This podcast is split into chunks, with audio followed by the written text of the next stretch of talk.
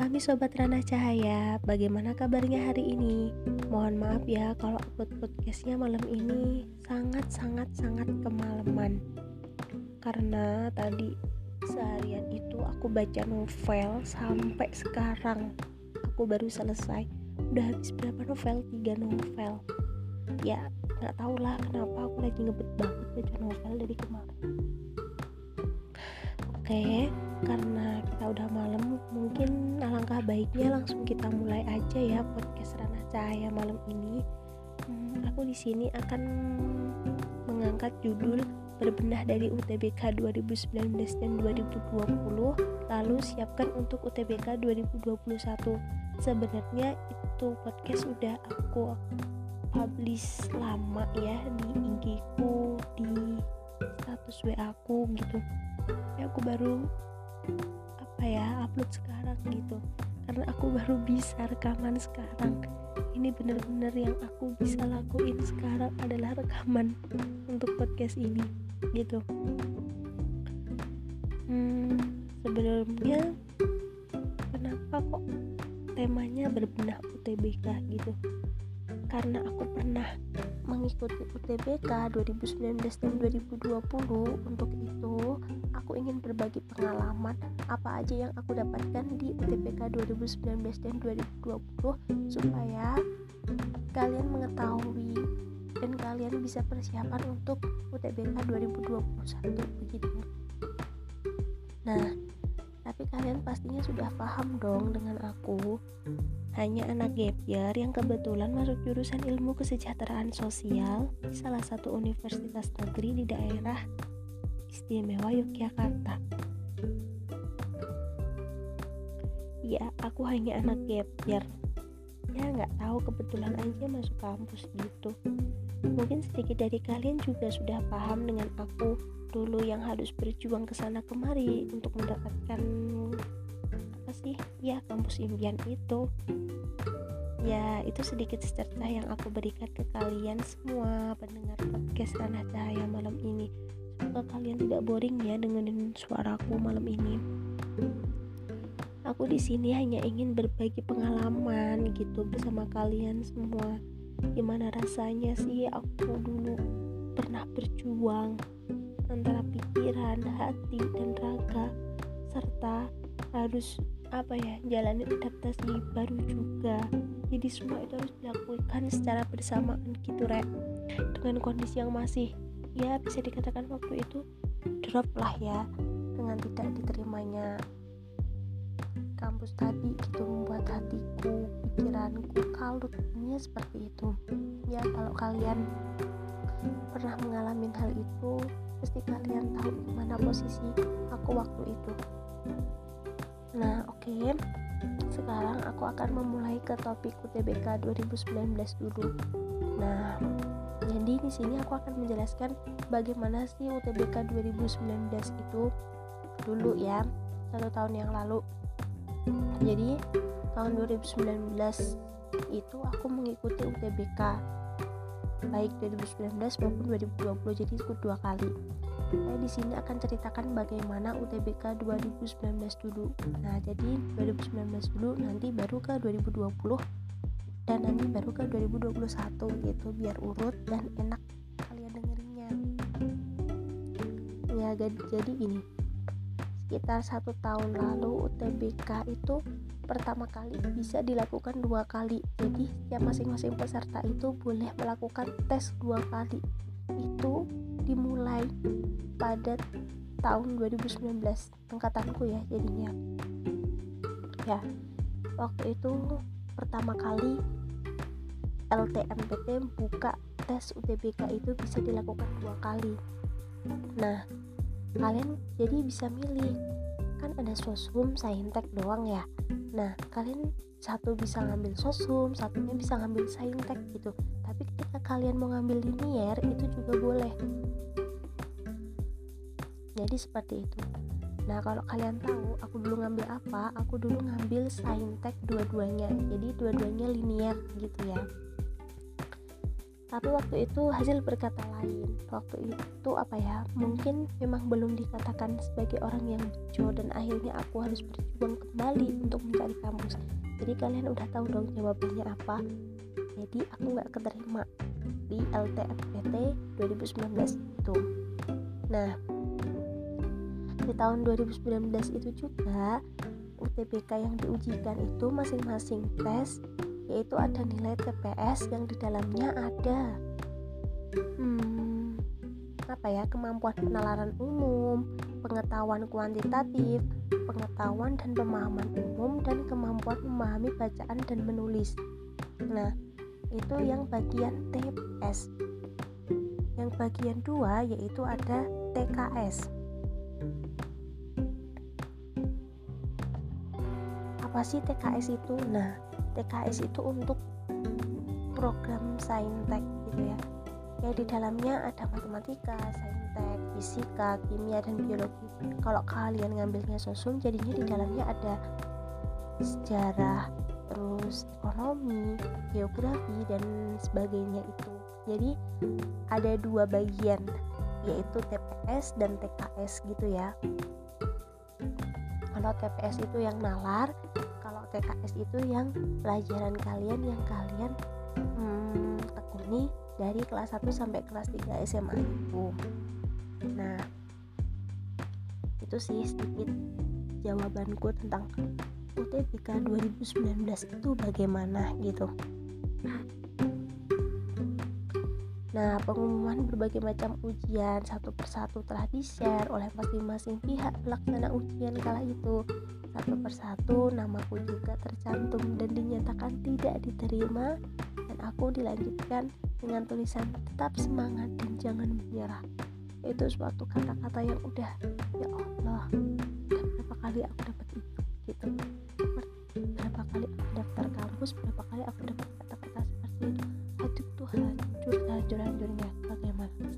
Paham. Nah tapi ingat selanjutnya setelah adanya pengumuman itu aku ragaku pikiranku ya seperti yang aku katakan tadi kalut gitu ya. Aku udah benar-benar putus asa. Terus waktu itu mau ngapa-ngapain juga tidak mau tapi tetap harus kuat dan lekas menyusun planning. Nah saranku seperti itu. Jadi ketika kalian itu sedih jangan berlarut-larut kalian harus segera susun planning apa yang akan kalian kerjakan setelah kalian ngalamin kesedihan itu gitu. Nah karena apa? Kalau kalian udah nyusun planning kalian itu sudah tertata. Kalian sudah memiliki jadwal seperti itu loh. Jadi kalian tidak tertinggal gitu. Nah, waktu itu karena aku juga belum dapat kampus, maka ya aku mencari titik temu atau planning yang akan aku kerjakan selama satu tahun ke depan itu. Gitu, teman-teman. Nah, sebelum aku masuk ke planning ya, aku mau kerjakan selama setahun itu. Yang aku kerjakan itu pengen aku share ke kalian. Semoga kalian itu mengetahui sih yang aku kerjakan selama setahun itu semoga bermanfaat dan kalian bisa meniru hal-hal positif yang aku lakukan selama setahun itu gitu jadi waktu itu aku ada sedikit cerita sebenarnya. Langsung aja aku ceritain ya. Jadi waktu itu aku tuh masih di kota istimewa. Terus aku jalan-jalan ke kosan temenku gitu ya. Terus aku naik kendaraan online. Nah ini ceritanya nggak menginspirasi tapi juga sedih juga. Jadinya aku nangis gitu kalau mengingat-ingat dari cerita itu gitu guys. Hmm, gimana ya? Kejadian itu hmm, ya biasa aja tapi sangat menginspirasi gitu. Udah masuk ke kendaraan itu ya biasalah hanya penumpang kemudi gitu kan.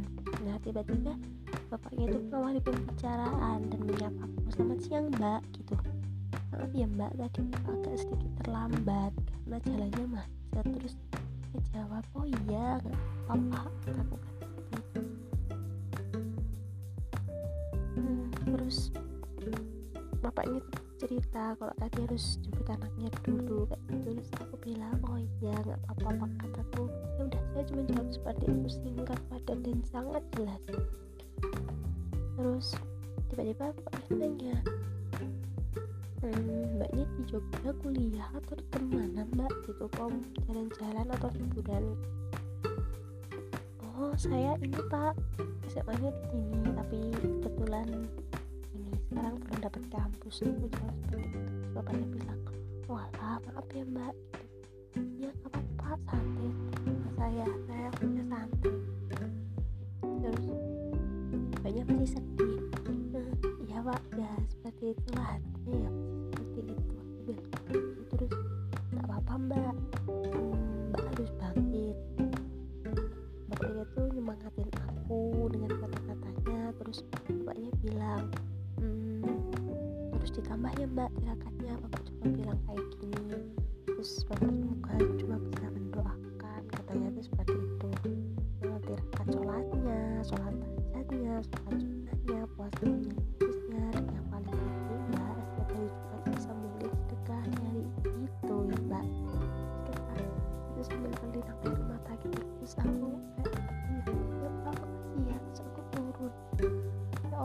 aku ketemu bapaknya bener mengetahui keadaanku waktu itu. Kayak udah ter apa ya gak terbayang intinya bisa kejadian seperti itu ya kan? Kita bisa mendapat ilmu dari orang-orang baru yang baru kita kenal gitu. Aku waktu itu sungguh-sungguh sangat takjub banget. Terus setelah itu entah karena motivasi dari itu atau apa mampu kembali bangkit di titik itu juga dan saat itu juga. Nah sekarang aku masuk ke planning. Mungkin ceritanya cukup itu dulu karena nanti kelamaan kayaknya kalau aku cerita terus. Jadi aku langsung masuk aja ke planning. Apa saja yang aku kerjakan selama setahun dan hmm, ini akan aku bagikan ke kalian ya. Tetap dengerin loh ya jangan ditinggal tidur dulu karena podcast aku belum selesai. Nah jadi ini waktu itu aku harus mencari pondok pesantren. Waktu itu yang terpenting aku tetap ada di kota istimewa itu. Itu poin pertama yang wajib aku lakukan. Terus poin keduanya itu aku ikut kursus bahasa Inggris di kota itu juga. Jadi aku mau mulai bimbel. Ya waktu itu bimbel bahasa Inggris di terus poin yang ketiga itu setelah sekitar lima bulan ya aku kursus akhirnya aku ingin tetap stay aja di pondok pesantren tadi dan nggak berlangsung lama. Aku didahului untuk batu dan ini tuh sangat wow banget gitu guys. Aku merasa aku nggak bisa apa-apa. Eh ketika aku diamanahin seperti itu jadi aku tuh dipercaya jadi aku tuh dianggap bisa kayak gitu walaupun aku belum bisa aku harus belajar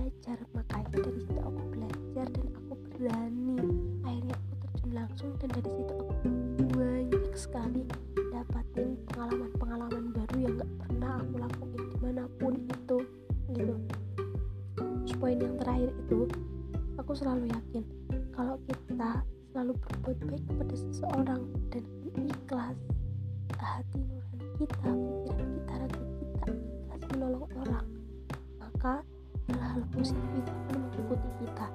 Itu sudah pasti aku jamin itu.